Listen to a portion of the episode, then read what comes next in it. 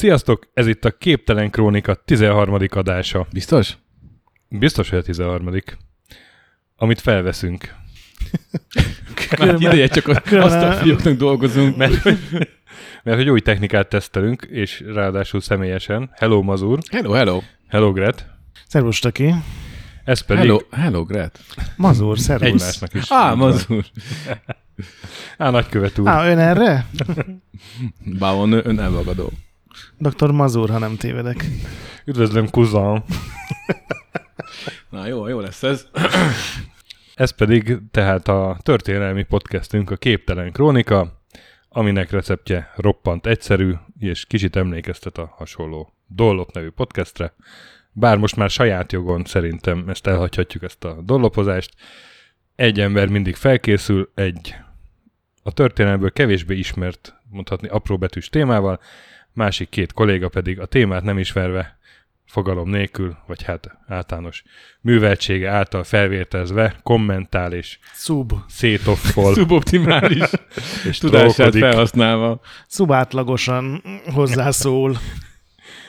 Így a 13. adásnál rám jutott az a szerep, hogy a témával felkészüljek, és uh, szeretnék is emlékeztetni benneteket a legelső adásra, ahol ugye Novcsa Ferenc, ifjabb Novcsa Ferenc Verseket fogsz mondani? életét dolgoztuk fel hasonló. Most egy ilyen hasonló alak következik, aki egyrészt Nopcsának uh, kortársa is volt, másrészt uh, egy kisebb csoda, hogy még az életéből nem készült film, és még találni Nopcsával egy-két uh, közös pontot, igen, például verselt is. Na. Ez mindig jó. Ilyen Akkoriban a, a. Gigantosaurus balveséje Csak című ő. opusz. Csak ő nem a tudomány, Ferencemnek. ő nem a tudomány felől tette hozzá magáét a osztrák-magyar monarchia történelméhez, hanem a katonaság, hadipar, hadimérnöki vívmányok felől érkezett. Hát azért, azért ne felejtsük el, hogy Nopcsa úr is hegyeket foglalt el, meg, meg, meg kémkedett, meg Lehet, hogy ugyanazok a hegyek elő fognak kerülni még. Ó. És a kackiás bajuszra is rá, rá, rátegelni a úr. történetet? Nála kackásabb ez a senkinek nem volt. Hoppá, kemény, Hogyha- kemény hogyha szavak, volt, merész akkor- állítások. Vagy ha volt, akkor levágta neki. Rögtön. Úgy hívják az életet, hogy Zubovics Fedor. Nem tudom, hallottatok-e róla. Azt hiszem, ezt megjegyeztem volna, ha hallom.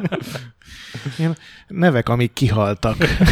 Nekem a, és jó, és tán jobb is így. a Kvasztis Fedor jutott eszembe a zongorista rejtő regényekből. A morfin függő Vagy nem, volt? zo- nem zongor, de zongorista volt, meg orvos is. Na mindegy, hát ez, a, Bármelyikhez passzolna még a morfin függő, így ez is ilyen profilba Hobbi. illő. Ez is ilyen rejtői figura. Ugye a napcsadást Jókai Mórral kezdtem, most ezt Krúdi Gyulával szeretném, aki 1925-ben megjelent egy krónikás könyvéből, című művében. Hát tulajdonképpen mi is ilyen krónikások vagyunk, csak már podcasten, tehát tulajdonképpen Krúdi kolléga írt. Hát ráflexeltünk a technikával, azt hiszem, hogy nem, áll, nem Hát ez ilyen, ez ilyen kitaláció, ez meg Trudy. Ez, ez, ez méltóságodon aluli volt. Még tudom, neked is és- pedig. Nem, nem tudom, ezt bár tudnék szavakat vissza, visszaszívni, de hát haladjunk, haladjunk. ez hát, egy- hát, elfelejtjük. ezzel egyben megneveztem egyik forrásomat is, tehát Krúdi Gyula, de egyébként Gárdonyi Géza is írt róla, Kellé Randor írt ponyvasorozatot a rettenetes Fedor címmel róla, Nem emlékezett az első nevére. és hát az Arkánumból szedtem az ilyen mindenféle újságcikkeket, azt majd úgy is mondom, de hát a fő forrásom Kazarecki Noémi, Nógrád megyei történész, helyi történész, levéltáros írásai volt a Palócföld magazinban, illetve az Archívneten, aki hát többféle oldalról, több terjedelmes cikkben de- feldolgozta. Aggodalommal Fedor figyelem ezt az új trendet, hogy forrásokat nevezünk, mert ez, Ez ez csak a- a... sem meg fogja nehezíteni a következő Ez csak a témámat. belső igényesség, neked nem kell. Ah, akkor jó, meg nyugodtam. Szóval Krúdi azt írta róla, hogy Zubovics Fedor, még Már a... kiskorában is sokat verték Ah. neve miatt. Igen, egész kiskorában Hogy is kiskorú becézik? volt. Fedi? Vagy Fedecs? Szóval ugye a boldog, tehát még a régi, a régi az antivilágot élteti a, ebben a, az írásában, még a háború előtti ö, ugye dualizmuskori monarchiát, ahol baj és gond nélkül éldegéltek a régi urak a Fiume kávéházban, ahol, amíg fel nem recsent Zubovics Fedor hangja. Ez a bizonyos szolgálaton kívüli huszárkapitány mindig úgy beszélt, mintha valakit meg akarna ölni. Írja hm. róla Krúdi. Igen, a 19. században lehetett hallani ezeket a csodálatos hangokat amelyekben a téli fagyos káposzta recsegését éppen úgy meg lehetett hallani, mint az őszi mezőkön róka után nyargalászó vadászoknak ebeikhez intézett parancsszavait. Egy, egy, egy, egy kicsit ez túl, túl cicomázta a Krúd. Én úgy érzem, hogy maradjon meg a tényeknél. a sorok között. De ez, a, ez, a, ez az orgánumára, a hangszínére Igen. vonatkozik? Igen, hangja ah. puskaporos, dinamitos volt, amely robbanószerekkel annyit foglalkozott életében, mint más ember a pipája szurkálásával. Semennyit. Foreshadowing. Ez egy beszélő név. Egyébként termetre nem volt feltűnő ember, én középmagas volt, de mint írja Krúdi, ama középmagasok közül, akik túlicitálják energiával, erővel, akarattal a torony magasságú embereket is. Észre kellett őt venni mindenkinek. Ha kellett, ha Tehát nem. ez a, a dühös törpe uh, arhetipus. Ez a... a Shadowrunben játszottam ilyet. Ami, de máig, hogyha csak a politikára gondolok, akkor sem vesztett aktualitásából és népszerűségéből ez a kaszt. ez a minden, er, minden pontot erőre, meg constitutionra, és nagyon keveset karizmára. Hát, vagy pedig pont fordítva. Nagy a kísértés, hogy rengeteg idézetet olvassak fel, de nem fogok. Egy csomót kimásoltam, de az elvinné az adás, de azt azért még, amit Krud írt összegzésképp, hogy azért nehéz Zubovics Fedorról írni, mert ha a leghitetlenebb történetet írnám rá lóra, mindig akadna valaki, aki annál még cifrábbat tudna mondani. Ez a Dartshoz hasonlít. Rég, rég már szóba. És így azzal zárja, hogy az életéről bízvás lehetne regényt írni ifjak és öregek mulattatására, hát ez összecseng az, hogy miért nem csináltak még filmet erről az Vagy emberről. Miért nem írt róla egy regényt, ha már?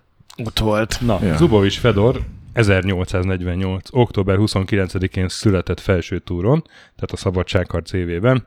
Ősi lengyel családból, ilyen elmagyarosodott lengyel családból. Ez... a nevén, melyik nevet tanúskodik az elmagyarosodásról? A Zubrovka vagy a Fedoria? Na mindegy, mondjad, mondjad. 1434-ig tudta visszavezetni a családfáját. Az első, nem tudja. első ismert őse litvánok kormányzója volt, és aztán a, hát a 18. század végén telepedett le a család Magyarországon, és ugye a kis Fedor az 50 év múlva már ott született. Tanulmányait Vácon végezte a Kegyesrendi gimnáziumban, és ebből az időből van fenn a, maradt fenn az első visszaemlékezés is róla egy diák társától, azt mondja, hogy mokány magyar gyerek volt mindig is, ki mindnyájunk félelmetes tiszteletét bírta bátorsága és erélyéért. A kalváriai deákvár sokat tudna mesélni hőstetteiről, itt vívtuk hős csatáinkat, ágyugójó helyett a szegény svábok földjeiről csend krumplival és répával, kart helyett pedig kukoricaszárral.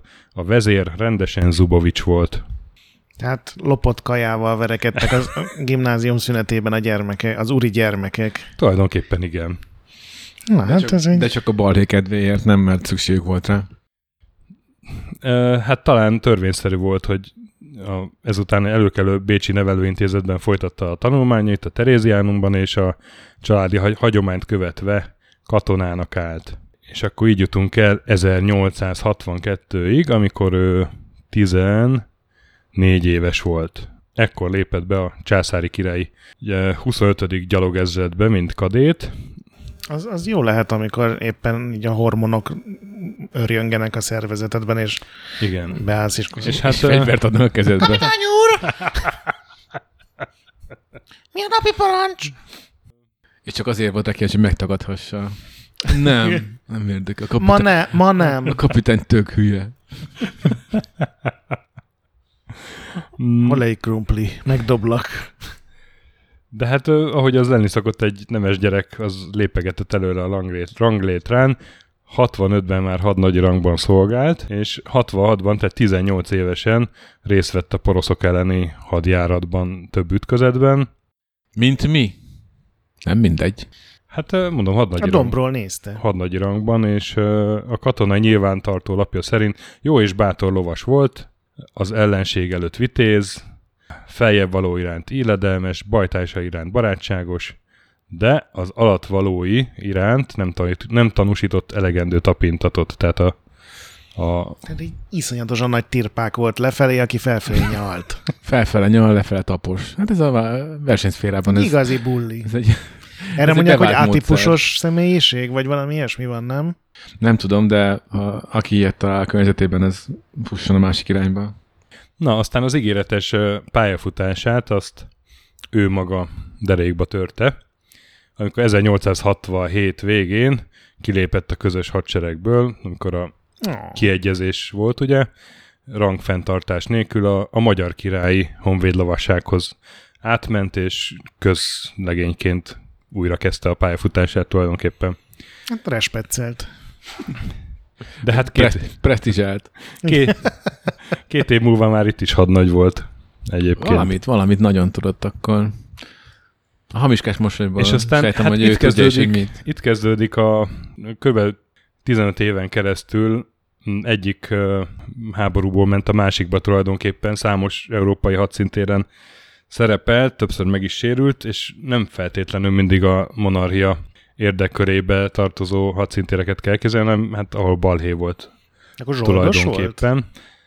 Nem merem azt mondani, hogy nem volt ilyen, de ilyenre nem, nem találtam utalást. Szerintem nem volt zsoldos, hanem mindig megtalálta azokat a pontokat a környéken, ahol, ahol valami ismerős révén ő be tudott szállni a balhéba. Tehát például Egyiptomban ott Klapka György segítségével tudott valószínűleg elhelyezkedni, majd később eljutunk Egyiptomhoz is, aki hát akkor ugye ott élt emigrációban a környéken, vagy Törökországban élt, most nem tudom ezt pontosan, hogy a Klapkának nem néztem utána, de, de hát ugye az se egy, egy tipikus monarchia érdekkörébe A magyar tartozó, egyetemi fronton. tehát a, a, az se feltétlenül a, a De magyar... közben folyamatosan magyar katona volt? Közben folyamatosan magyar katona volt, igen. Ja, várj, bocsánat, nem folyamatosan, majd, majd mondom, hogy mikor Mhm. nem, de Hát azt levelezőn folytatta.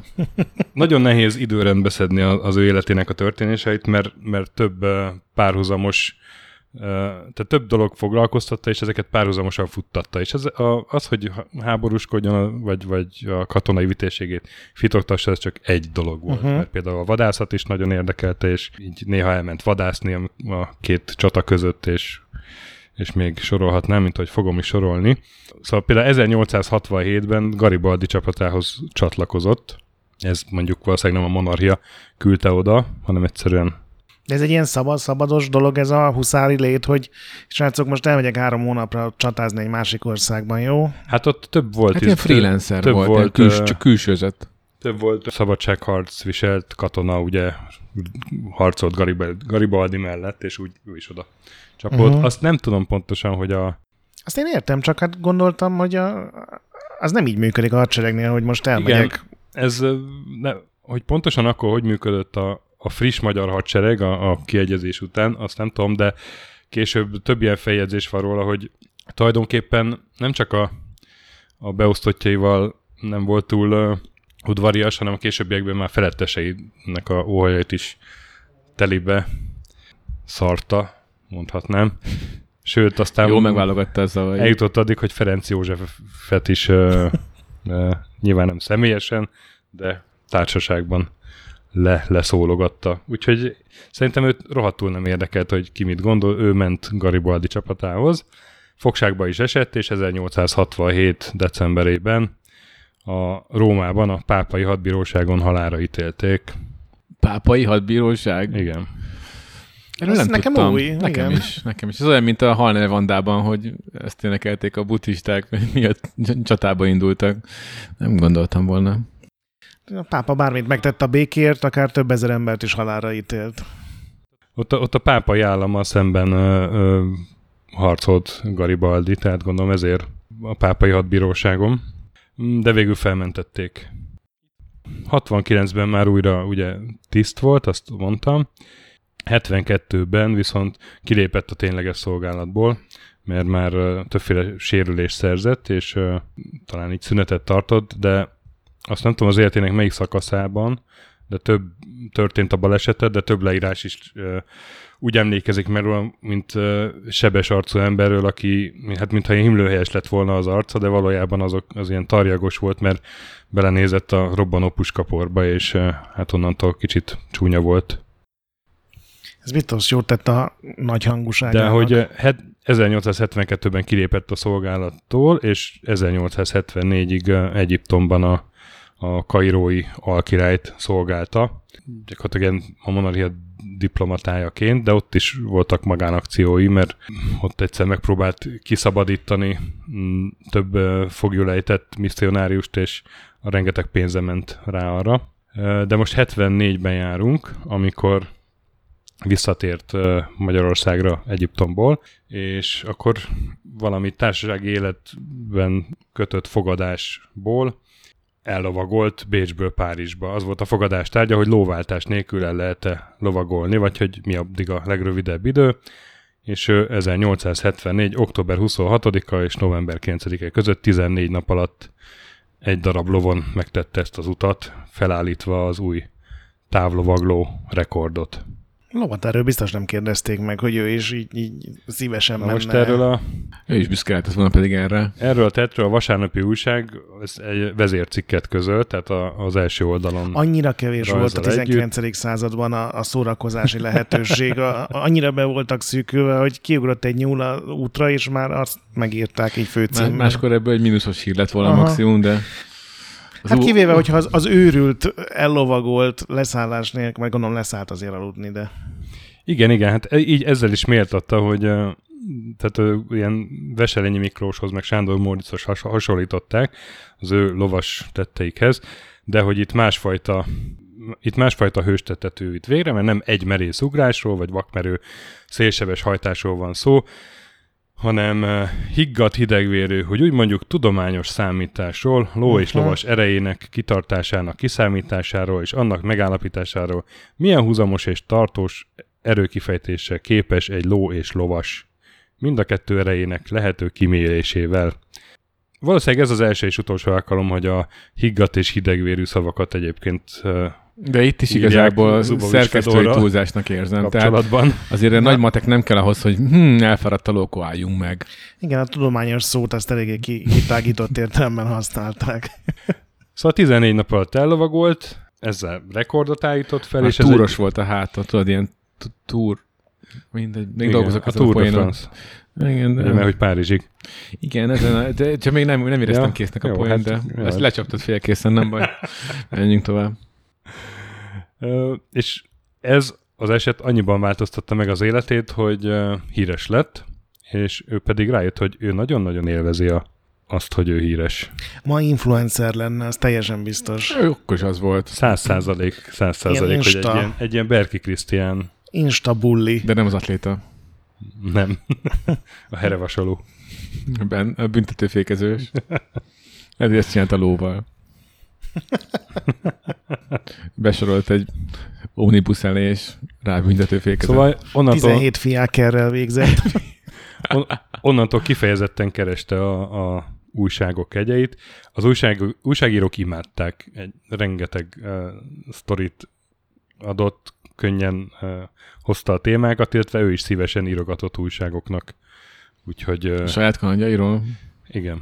Amikor meghódítottam Egyiptomot. Rengetegen kértétek, Példa- hogy írjak Egyiptomról. Például Ha Egyiptomból, tetszik, akkor lájkoljátok a küldök- cikket. Egy, Egyiptomból küldött írásokat, igen. és pendítsítem el a kis harangot. Bam. 75-ben már Spanyolországban harcol a, a karlisták ellen, és ugyanebben az évben Ferenc József főhadnaggyá lépteti elő.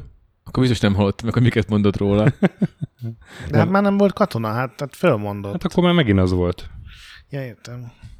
Teljesen Aztán- téves elképzeléseim vannak a 19. századi szervezett hadviselésről, mint a valóság.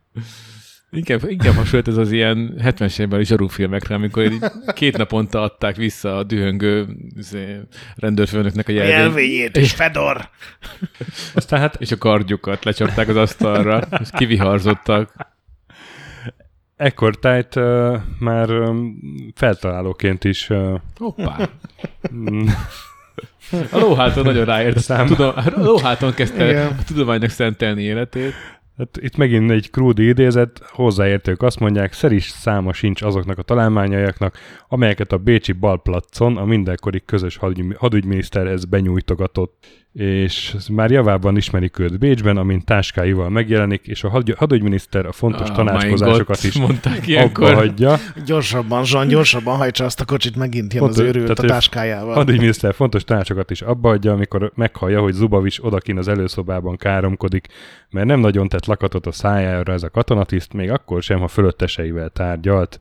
Nevetséges szamárság mondogatta Fokhegyről a miniszter uraknak.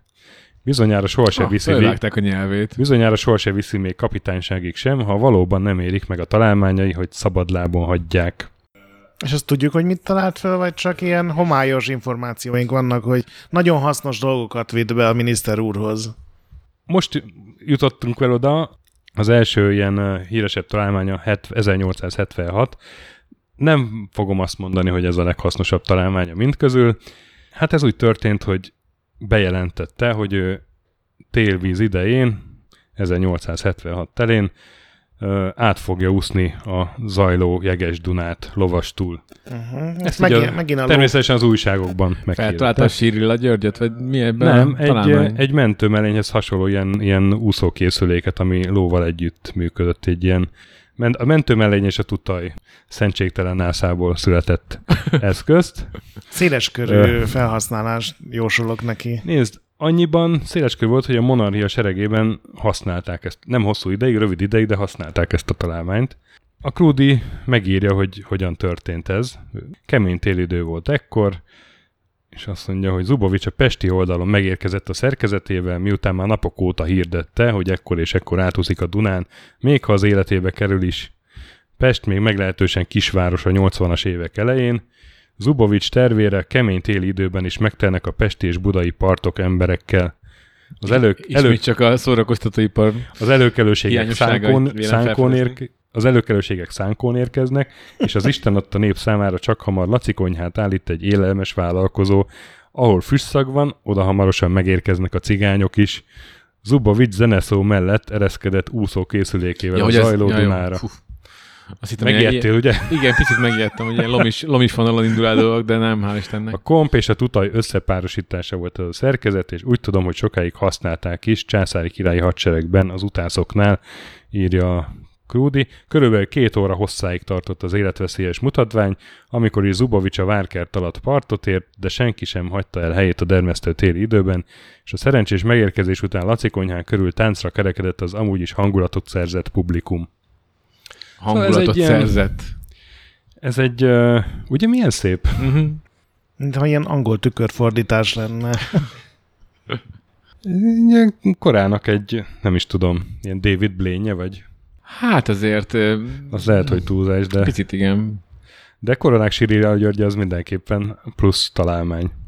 És ez, és ez kizárólag a, azt szolgált, hogy ő bekerüljön a kis színes rovatba. Hát egyrészt igen, másrészt ez a feltaláló Ja, igazolja a ló, lótutaj, vagy Igen, tomp, igen. vagy nem tudom milyennek működő a... képességét. Mm. Hiszen nem fulladt meg se a ló, se Hát ő. ez volt 76-ban, de 77-ben már a török-orosz háborúkban vett részt a törökök mellett. Oh. Nem erre tippeltem volna. Nem, ugye? De hát Amikor ugye, Ferenc Józseftől kap rangokat. Amikor elkezdtem magyarázni a török cimboráknak, hogy figyeljetek, a ló, lóra csináltam egy ilyen jó tudtajszerűséget, srácok. és vele, vele harcolt egy ponton Mód Zsigmond, akinek az emlékeit Gárdonyi Géza örökítette meg, és Gárdonyi Gézánál is felbukkan Zubovics, és most az idézetet nem olvasom fel, de ott Fodrinak becélzik csak, hogy válaszoljak a korábbi kérdésedre. Ó. Azt mondja, hogy Fodrikám, mondom neki, hadd menjek veletek. Hova az Isten nyalába? A tűzbe. És akkor mennek a tűzbe, és szétvágják a, az oroszokat. Erről szól a idézet. Hát... X Daupt. Aztán eh, 1878-ban Boszniában harcol az oroszok ellen egy cserkesz csapatot vezényelve, azok ilyen kaukázusiak. 1880-ban pedig Albániában küzd Montenegro ellen, A közeli a két történet száll egymáshoz. miriditákat vezetve, ami egy katolikus albán törzs a miriditák. Stöki Cinematic Universe épül, vagy Podcast Universe. És sajnos nem találtam utalást, hogy Miri- miridik- ta- találkozott-e ö, Opcsával, de később is többször visszament Albániába, és nem kizárt, hogy ők, ők amúgy találkoztak. Paroláztak. Igen. 1870-es évek az úgy telt Zubovics Fedor számára, hogy egyik harctérről ment a másikra, és közben felfedezte, hogy a nyilvánosság tulajdonképpen szereti őt, hogyha produkálja magát, Imádta a kamera. akár találmányokkal, akár egy szép hosszú lováglással. A feltaláló kedve az megmaradt továbbra is, és a 80-as évek elején ez egy nagy változás hozott az életében, ugyanis ekkor kísérletezte ki, illetve találta fel a szárazföldi torpedót. Erről Ez egy vakond volt, aminek a hátára TNT-t kötöztek. Erről, erről fogok bővebben beszélni Szerettem is volna kérni. mindjárt, mindjárt, csak először hogy próbálom valamennyire az időrendet is megtartani, mert ugye itt most Csak ilyen gyalogakukos képek jelennek meg az agyamban, ilyen akme gyártmányú. Tudod, ilyen botra kötött csizmákból áll a kerék, ami viszi. Tényleg. Szomjazom az információt. Szóval ezt 82-ben ö, a használati jogot, tehát 82-től kezdve több állam megvette a használati jogot, és ö, ezzel együtt Zubovics Fedor igen vagyonos ember lett. Ö, 83-tól a Váci Honvéd Huszárok szabadság volt főhadnagya, De nyolc- be, be, be. 84-ben századosa, Mikor beszélsz? Az... mindjárt beszélek. És innentől kezdve, tehát 84-től nevezik Zubovics kapitánynak, mert neki ez a visszatérő címe, hogy a Huszár kapitány. Tehát az 84-től volt.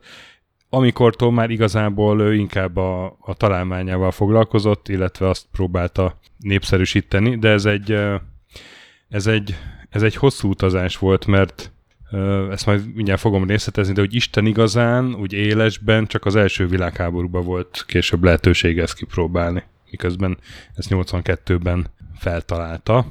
De hát hogyan töltötte addig az időt? Ugye mondtam, hogy volt ő Egyiptomban, hát oda visszament 82 és 98 között elég sok időt töltött azon a térségben, a Szudán függetlenségéért vívott úgynevezett Magdi felkelésben volt szerepe. Magdi. Magdi. Ja. Szóval fog, fogok bővebben a torpedóról beszélni, mert ez a egyik legizgalmasabb része, vagy mindenképpen a legizgalmasabb találmánya, de így az itthoni életéről is kicsit beszélnék előtte.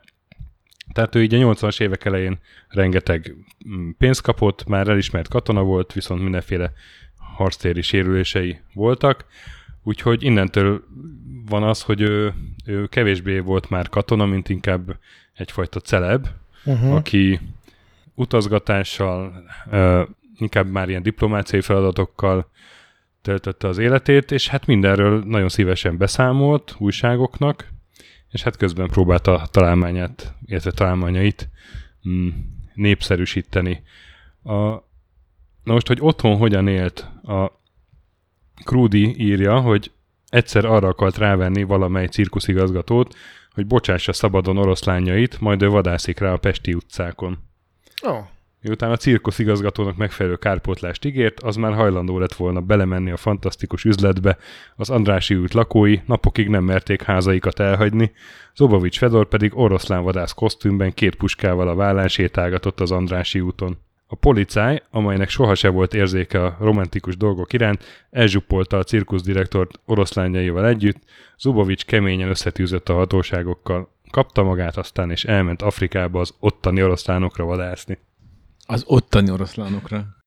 Remek, remek tervekkel rendelkező úriemberről van szó. Szóval, hogy ő, ő aztán rendszeresen járt ugye a 1880-as évektől 1910-es évekig Egyiptomra és környékére vadászgatni, meg az ottani diplomáciába is belártotta magát, és mindenről nagyon szépen beszámolt, és, és ö, hát már ugye a 1880-as években olyan cikkeket írt, hogy bezzeg a 1870-es években, amikor ő ott járt, még mennyivel jobb volt a vadállomány, tehát így keserget, hogy Uh-huh. nem lehet már rendesen vadászni itt. Én is tíz éve itt vadászok, és kevesebb az állat, de miért? És még mindig nem a torpedó. 1890-ben a Váci püspök kastélyát kibérelte Nógrád verőcén, és tíz évig ott élt. Ez a tíz év, ez ebből ren- rengeteg írott emlék maradt fenn, mert hogy Mondom, a falusiak gyűlölték a sok hülye ötlete miatt. nézd, az újságírókon kívül szerintem mindenki, de De hát ezt kattintották.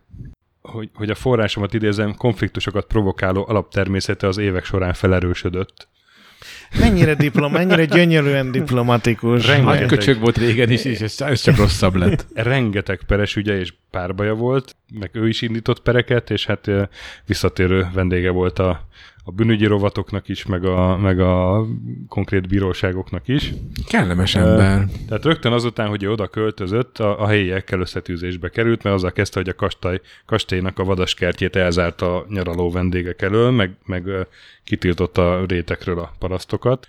Aminek mondjuk olyan esetre is lett, hogy, hogy például a verőcei állomásról le, le akarta lőni egy fegy, felfegyverzett paraszt gyakorlatilag.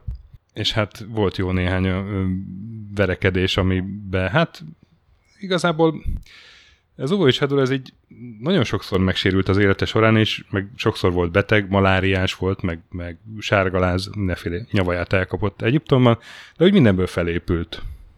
De hát arcába robbant a puskapor, és túlélte. Ha, és akkor, ha nem akadt semmi összetűzés, írja Krúdi, akkor legalábbis lóháton ment be valamelyik váci üzletbe, azt hangoztatván felháborodott kereskedőknek, hogy olyan sok szamár jár ide, miért ne jöhetne be egyszer egy ló is. Tehát mondhatni, Nice. hogy kereste a balhét, és gyakorta előfordult, hogy lóháton ugratott ki a Tiszti kaszinó első emeleti ablakán. Imádta kínozni a lovakat. Ez éltette, hogy minél több lovat elpusztítani. Na és hát mert ugye szerette a nyilvánosságot, a újságírókkal viszont kesztyűs kézzel bánt, és meghívott magához néhányat a, a verőcei ebbe a kastélybe, ez a Mi- Migadzi kastélynak hívták, amit ugye a püspöktől bérelt, Airbnb tíz évre. és hát a Váci pályaudvarról maga kocsikáztatta a kastélyába az újságírókat, úgyhogy öt csődört fogott a kocsi elé, letért az országútra, és a tarlókon keresztül ilyen iszonyat hajszában. Hát, hogy legyen miről írni. Amíg, nem amíg addig kastélyban van most a püspöki palota? Ez egy, ez, egy, ez egy nem egy rossz ingatlan azért. Nem, nem, hát nagyon sok pénze volt neki. Igen. A legjobb ember tettek A, milliómossá. a kastély udvarán, ez most egy, vasár, egy vasárnapi újságban egy cikk, kastély udvarán borjú nagyságok kuvaszok ugrat, ugatták körül a kocsit. Braziliai vérebek, le ne szálljatok, mert széttépnek. Likoltotta a gazda. Korrupt, korrupt félre gondoltam magamban, korrupt félre gondolta a puli. Asztalnál, ha már nem fér több pesgő az újságírókba, elővette revolverét, és gyors tüzelést kezdett a szoba mennyezete felé.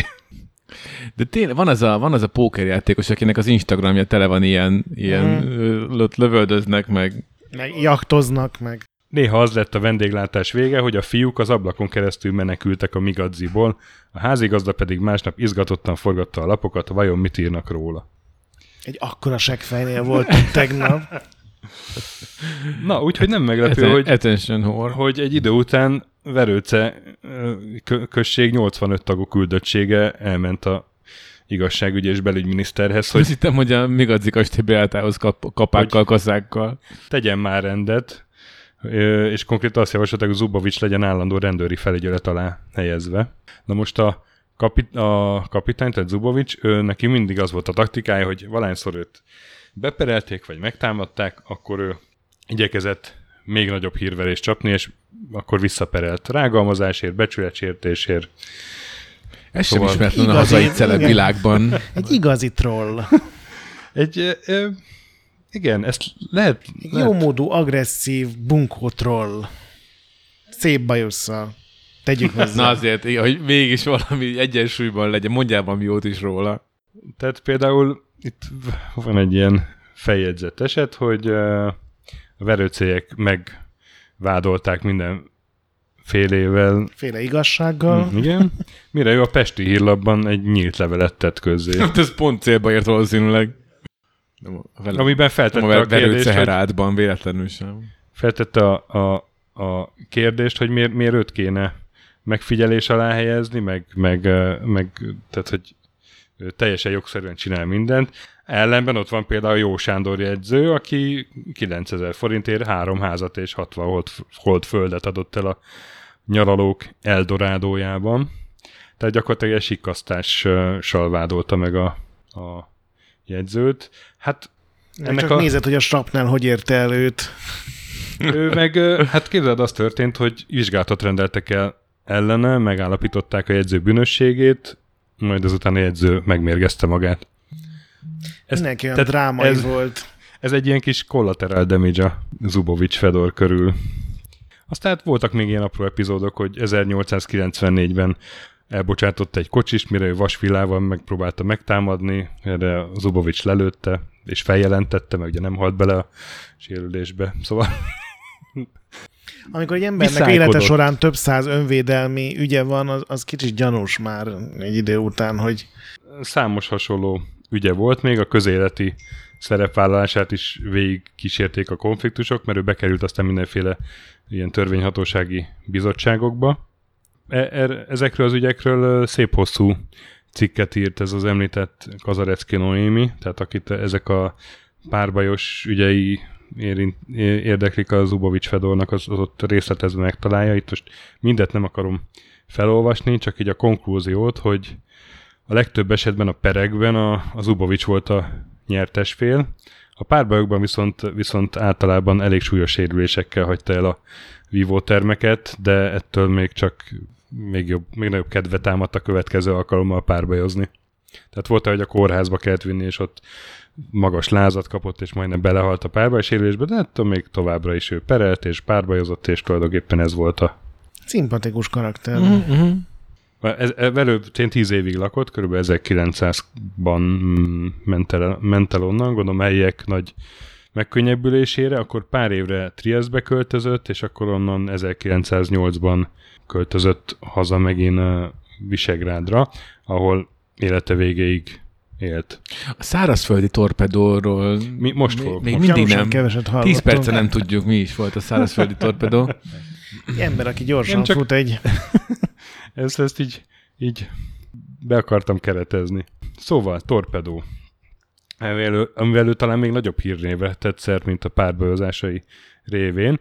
Azt fontos megjegyezni, hogy a 12. században a torpedó jelentése akkor még, még más volt. Most ilyen a bullshit izé, hogy... Sokszor. Nem is torpedó. Sok, hát ne, ez csak ilyen törpedó, ilyen pici. Uh-huh. Nem volt rossz. Nincs bennem gyűlölet, most semmi, sem, semlegesen nézek rád, érdeklődő, szóval sokszor, érdeklődő so, hallgatlak. Az csak ugye az első világháború idejére alakult ki, hogy ez a víz alatti önállóhajtású robbanó eszköz a torpedó. Ilyen 50... És hát a Torpedo Bra, az pedig még Madonna karriere Na. után indult igazán világkult útjára, úgyhogy az sem lehet. 50-60 évvel korábban, tehát ugye a 19. század közepén a szó jelentése még még kicsit más volt, és torpedónak nevezték a mindenféle bombákat, robbanó csapdákat, aknákat is. És tulajdonképpen a Zubovicsnak a szárazföldi torpedója valójában egy gyalog, gyalogsági akna volt. Ami szintén a, a, a fegyverek ugye nem azok a szívmelengető találmányok, de azok közül ugye legaljasabbak egyik, azt hiszem, kimondhatjuk, az a, az a gyalogsági akna. Illik, profilba illő. Na most ezt öt éves kutatás után 1882-ben fejezte be az első változatot, a prototípus az fából készült, két rekesz volt benne, egy a robbanószernek, egy a indító berendezésnek, amit távolról lehetett felrobbantani, kellett hozzá egy kezelő személy, ugye, mint a általatok említett gyalogkakuk, vagy a préri farkas lenyomja mm. a nagy akmer feliratú gombot detonátort, igen, igen, igen. Mint azt a Hadik Technika magazin írja, ami itt egy hosszú cikket erről, ennél már 8, 1885-ös verzió fejlettebb volt, mert abban volt élesítő szerkezet, illetve aknából kivezető elsütő drót, és akkor robbant, hogyha ezt a drótot meghúzták, és akkor innentől kezdve már ilyen, ilyen botlató, meg taposó akna lehetett csinálni belőle, ugye a ellenség elesett a, vagy elbotlott a indító drótban, akkor felrobbant mellette az akna. Ez tulajdonképpen az egyik első ilyen típusú akna volt, amit a Zubovics feltalált.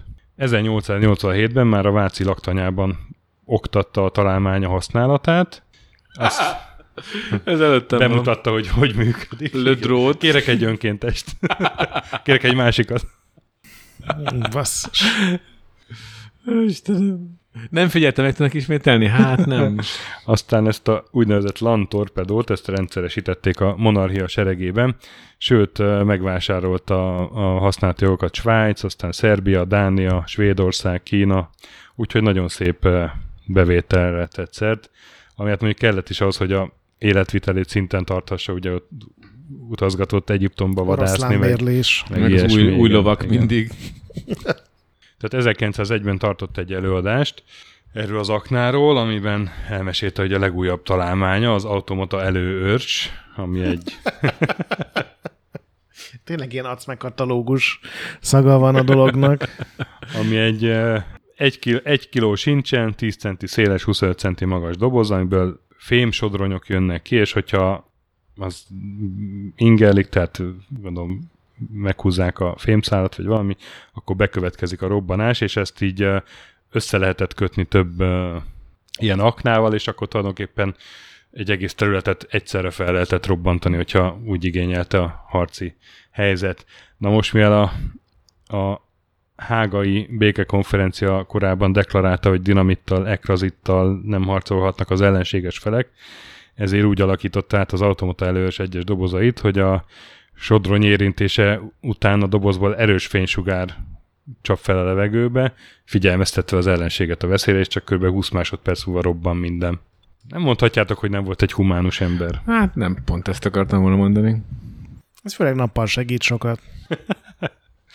1901-ben már javasolta a torpedó osztály létrehozását a Honvédelmi Minisztériumnál. Megdöbbentő, hogy az ember, aki a torpedóból él, javasolta a torpedó osztály létrehozását. Innentől kezdve gyakorlatilag... Guys, guys, guys, wait. gyakorlatilag folyamatosan javasolta ezt. Szakmája torpedó osztály létrehozását javaslom. Én kicsit már ilyen, izé, ilyen, ilyen tapsi-hapsis képek kezdenek bekúszni a gyaloggalap, vagy a gyalogkakuk mellé, ilyen mi a hézek hapsikám. így húzza háta mögött a torpedos dobozt. Na most, amikor kitölt az első világháború 1914-ben, akkor már 68 éves volt Zubovics Fedor, de... Gondolom már akkor egy megállapodott, kicsit így meg, meg, hát az meg, első, meg dolga volt, első dolga volt, hogy szolgálatra jelentkezett a monarchia seregében, akkor és nem. az első két évet az derekasan végig is uh, küzdötte, és a parancsnoksága alá, alá tartozott a császári és királyi torpedóztag. Milyen meglepő. A, ki volt a névadója az osztagnak esetleg, azt lehet tudni? Ez egy körülbelül, Fedri, Fedrikém osztag. Körülbelül száz fős uh, osztag volt, ilyen elit utászok. Először Vácon, aztán Kisorosziban, Diósjenőn, majd a Kárpátokban és az olasz fronton is uh, haditetteket vitt véghez, ami gyakorlatilag azt jelenti, hogy hát telepítették ezeket a torpedókat. Ö, vannak, vannak visszaemlékezések. A legfontosabb az 1815 terén talán, amikor a Kárpátokban használták, és ott, hát ott a császári és királyi hadsereg az orosz hadsereg ellen küzdött, és megmerevedett a frontvonal, illetve hát folyamatosan próbáltak áttörni az oroszok, és azt valahogy meg kellett akadályozni, és hát itt van a... Elaknásították a félkárpátokat, gondolom. A nem, bocsánat, ez, ez, tehát 1915 az jó... Minesweeper-t játszottak a vitézek. Tehát 1915, de, de, de ez nem télen volt, hanem márciusban. A Variházától délnyugatra húzódó Korumkó hegygerincén történt ez, hogy a túlerőben levő orosz csapatok betörtek, és ugye védőket vissza kellett vetni, és az új védővonal kialakításánál Damó Elemér székesfehérvári ezred utás századosa kapta a feladatot, hogy az érkező Zubovics Fedor segítségével a torpedót üzemelje be, és akkor ennek a Damó elemének van egy visszaemlékezése. Damó? Vagy Damó? Damó, nem? Damó, nem, nem. Jó lenne, de nem. Igen, mert arra lett volna egy poénom korábban is. Hogy az ellenség irányába egy hogy két... már az győzőnek nem tud robbantani, vagy valami ilyesmi. Igen? Bocs. Két méter széles, ilyen kettős gerenda falat vastagságú sánc épült, műszaki akadályt is építettek, drótsövényt, és hát nyilván valahol oda kerültek be az aknák. Tehát ezt írja Zubovics Fedorról Damo, hogy kíváncsi voltam rá, mert már sokat hallottam emlegetni, de még nem láttam soha. Négy óra felé érkezett ki Zubovics Fedor nagyobb csoporttal, az, e, az egyik küldönc egy csomagból kész aknákat vett elő, ezek dinamittal töltött dobozok voltak, dobozba belépítve egy rugós, ütésre gyújtó szerkezet, melyben egy gyújtó szeg egy töltény gyutacsára vágott, ez meggyújtotta a robbanó gyutacsot, az pedig a robbanó szert. Készülék azáltal jött működésbe, hogy egy botló húzal a rugóval megfeszített gyújtószegből kiúzta a biztosító sasszeget, tehát ez is ilyen botló, botlató akna volt, vagy hát amiket később Kambodzsában Ilyen használtak. practical joke, ilyen prank.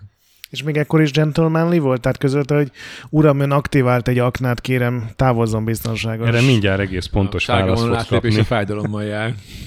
Mind the gap. Mind the gap. Telepítették az aknákat, és azt mondja, hogy eh, minden egyes aknát az én magam felügyelte mellett telepítettünk, munka így lassan ment, de biztos voltam, hogy jó. Na, és akkor március, Nem bizott a végzős akna hallgatók munkájában. Március 21-én vo- volt az első robbanás, egy szarvas felrobbantotta az egyik aknát. Ezt pótolták az aknát, a szarvast meg behozták a konyhára. Nincs is annál jobb, mint egy Egy dinamita friss felrobbantott szarvas, amikor lekaparták a fenyőfákról. Szarvas gór. És akkor március eh, 26-án hajnali fél négykor hatalmas robbanásokra ébredtek, amit heves géppuskatűz követett. Egyszerre három-négy akra robbant, megremegett a föld, vészesen visszhangzanak a völgyek, a hegyek, az erdők, percekig tart a zúgás, morajlás, mintha minden hegy meg akarna indulni.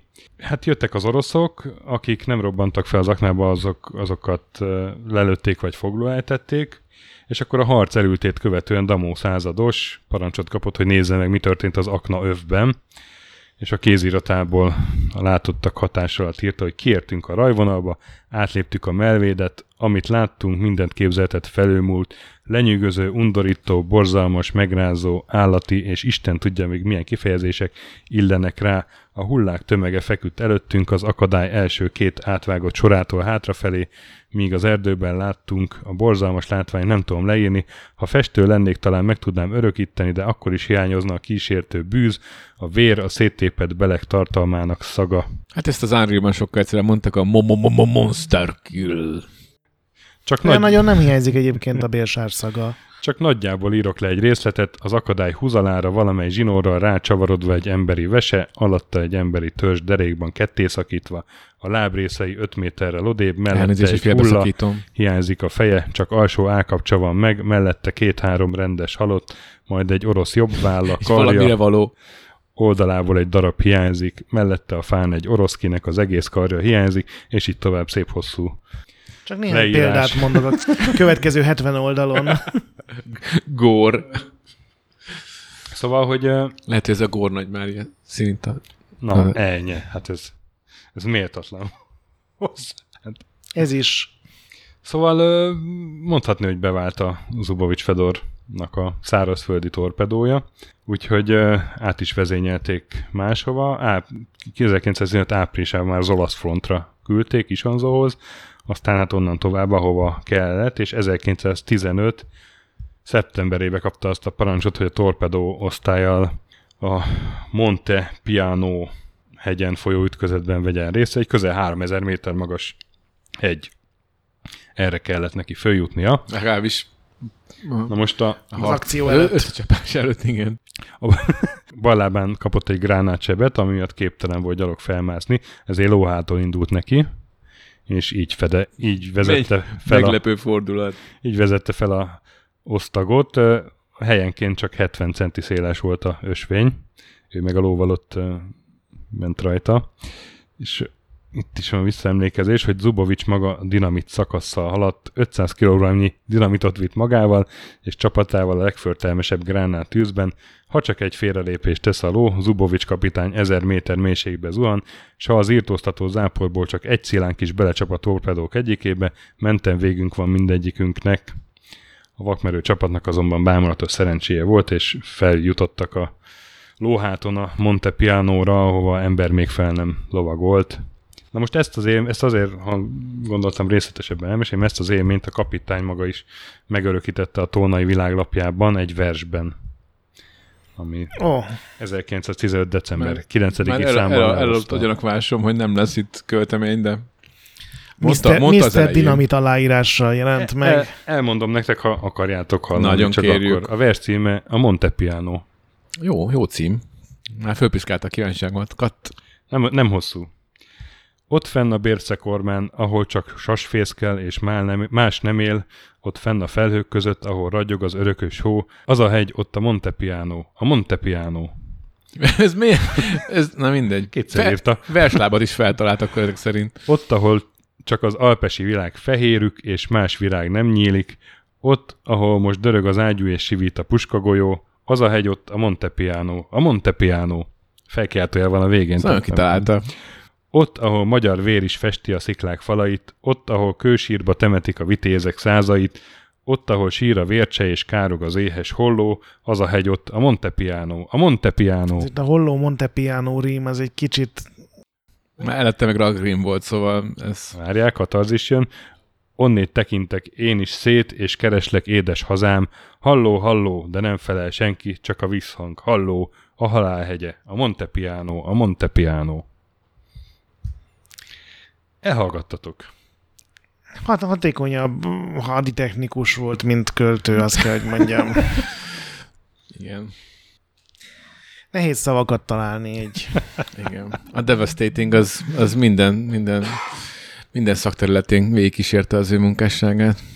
Na most, a, a, tehát a sikerei ellenére 1916. januárjában feloszlatták ezt a osztagot, mert hát talán azért, mert nagyon költséges is volt, meg nehézkes is volt, tehát azért a haditechnika addigra már kicsit tovább haladt, ugye például tankok, hogy más nem mondjak, de azonban hát Ferenc Józseftől kapott elismerést, kitüntetést, de... Hát jöttek egymástán, de hát a barátságosnál barátságos a fegyverek a gáztámadási pernél és társai. De hát természetesen mm, ezt személyes értésként élte meg a Zubovics Fedor, hogy ő neki tovább nem kérnek a kiváló torpedójából.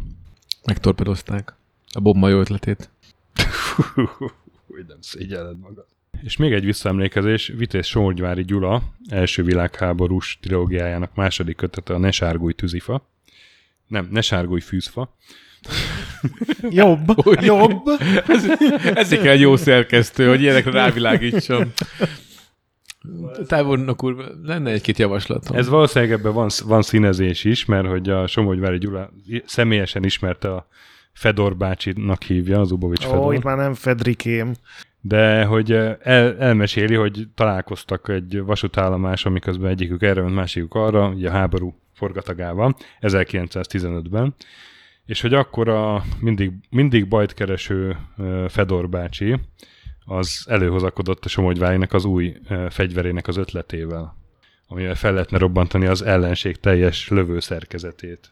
Ó, Kélek szépen ez az, akar? az Ubovics féle tűzniagara, így nevezte.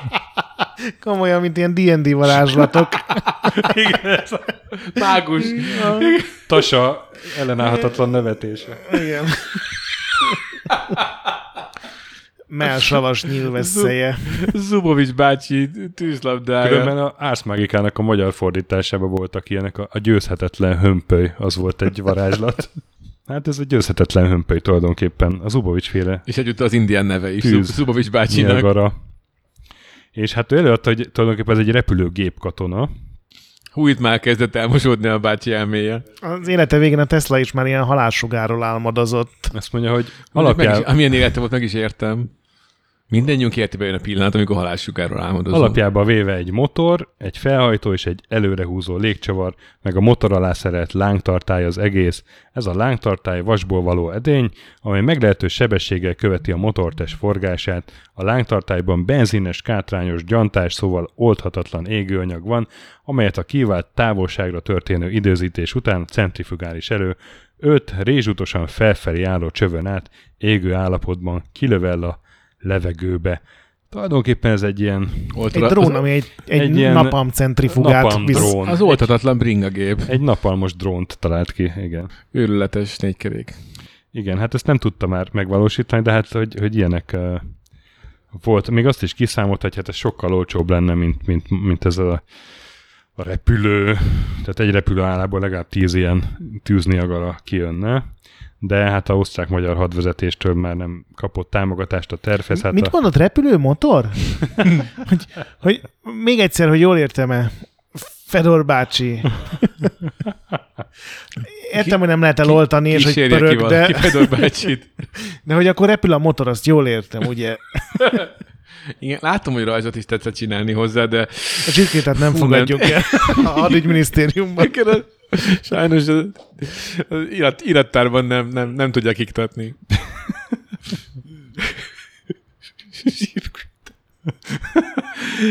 Istenem, el tudok képzelni, hogy erre otthonában egy ilyen izé, kockás pléd a lábán, így izé, vadul zsirkrétázottak el. Várj, várj, várj, a Niagara 2, az még durvább lesz.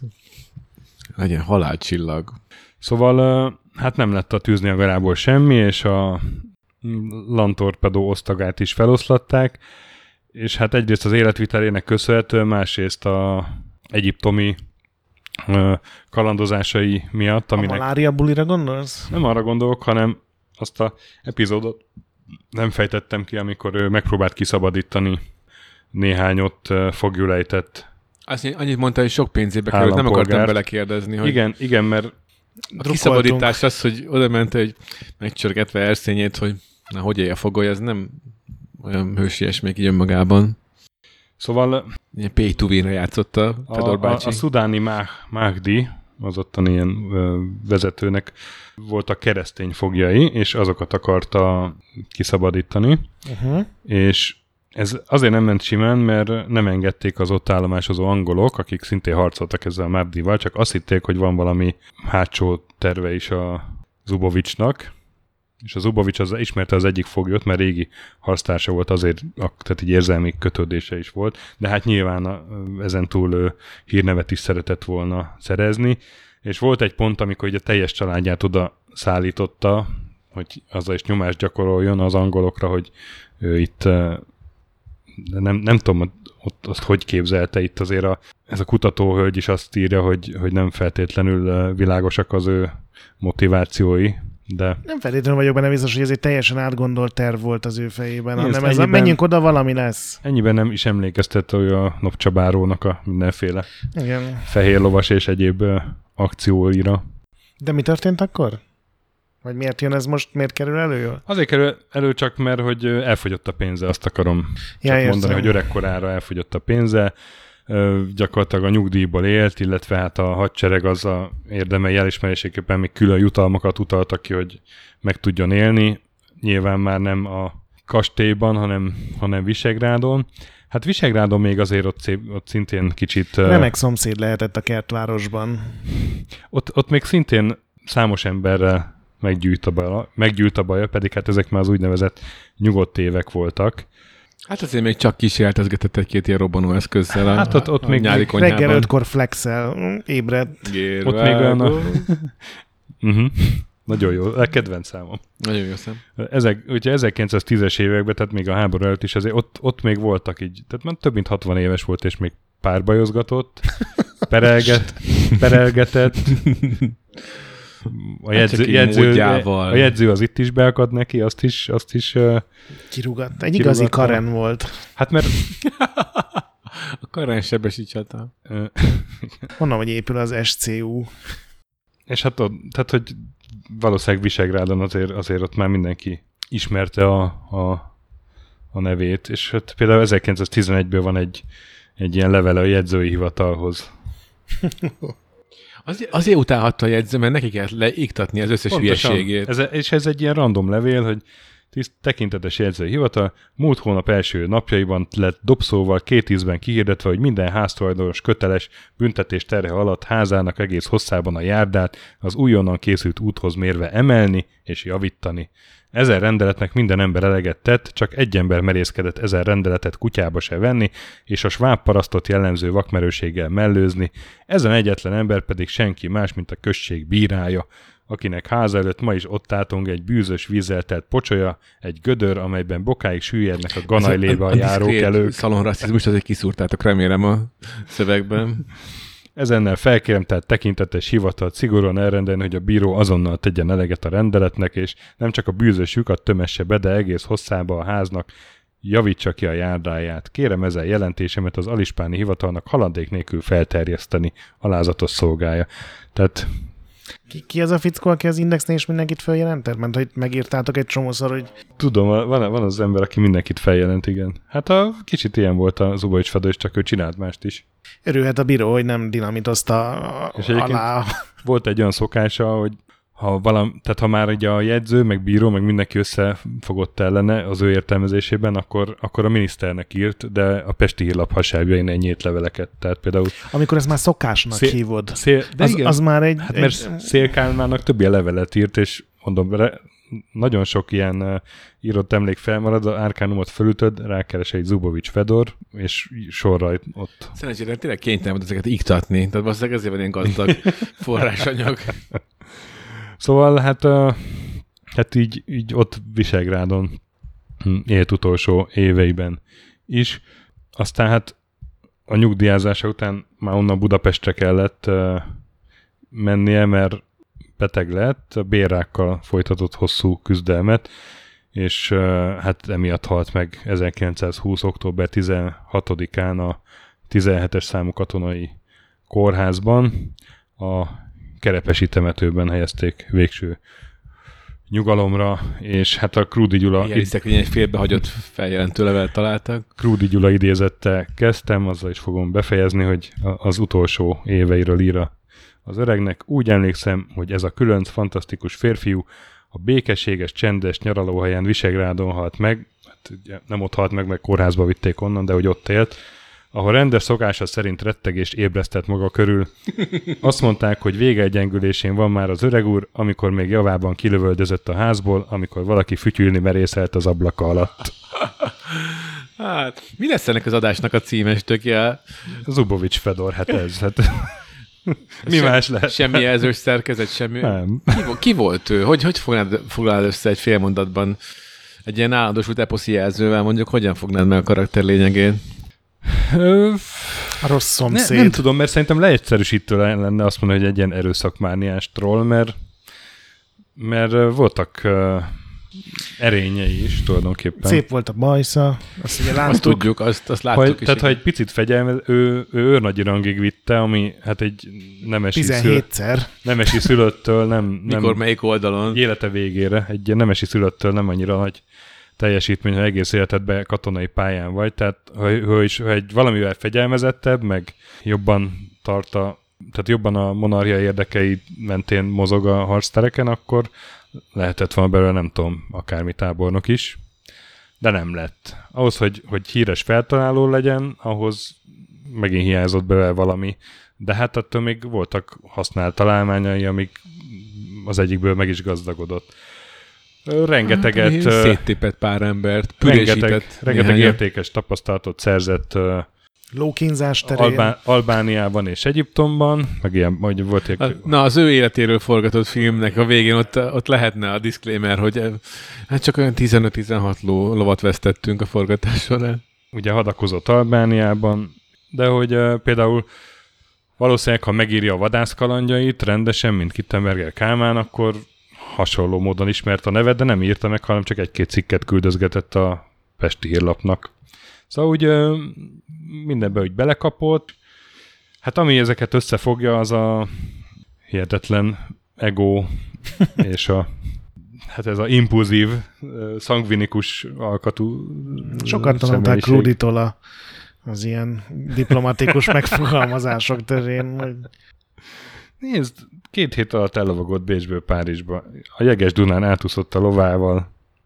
Felrobbantott egy csomó de- embert. Mit tudsz te elmondani magadról ezek közül? hát valóban.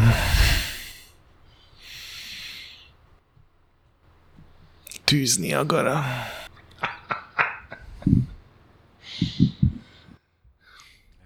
Hát ez, ez volt Zubovics Fedor. Hát, gyerekek, tanuljatok ebből a történetből, ne legyetek olyan, mint Én megnézném ezt egy filmben. Zubovics. Fedor. Én Turóci Szabolcsot tudom elképzelni főszerepben. Mondjuk szuper jól tudná hozni ezt a karaktert valóban. De olyan, olyan, olyan cringe fekete komédia, olyan szekunder szégyenbe hajló fekete komédiaként. Ilyen Herendi Gábor rendezésében. Nem, nem, nem úgy értettem, Magyar de... Vándor 2. A Magyar Dandár.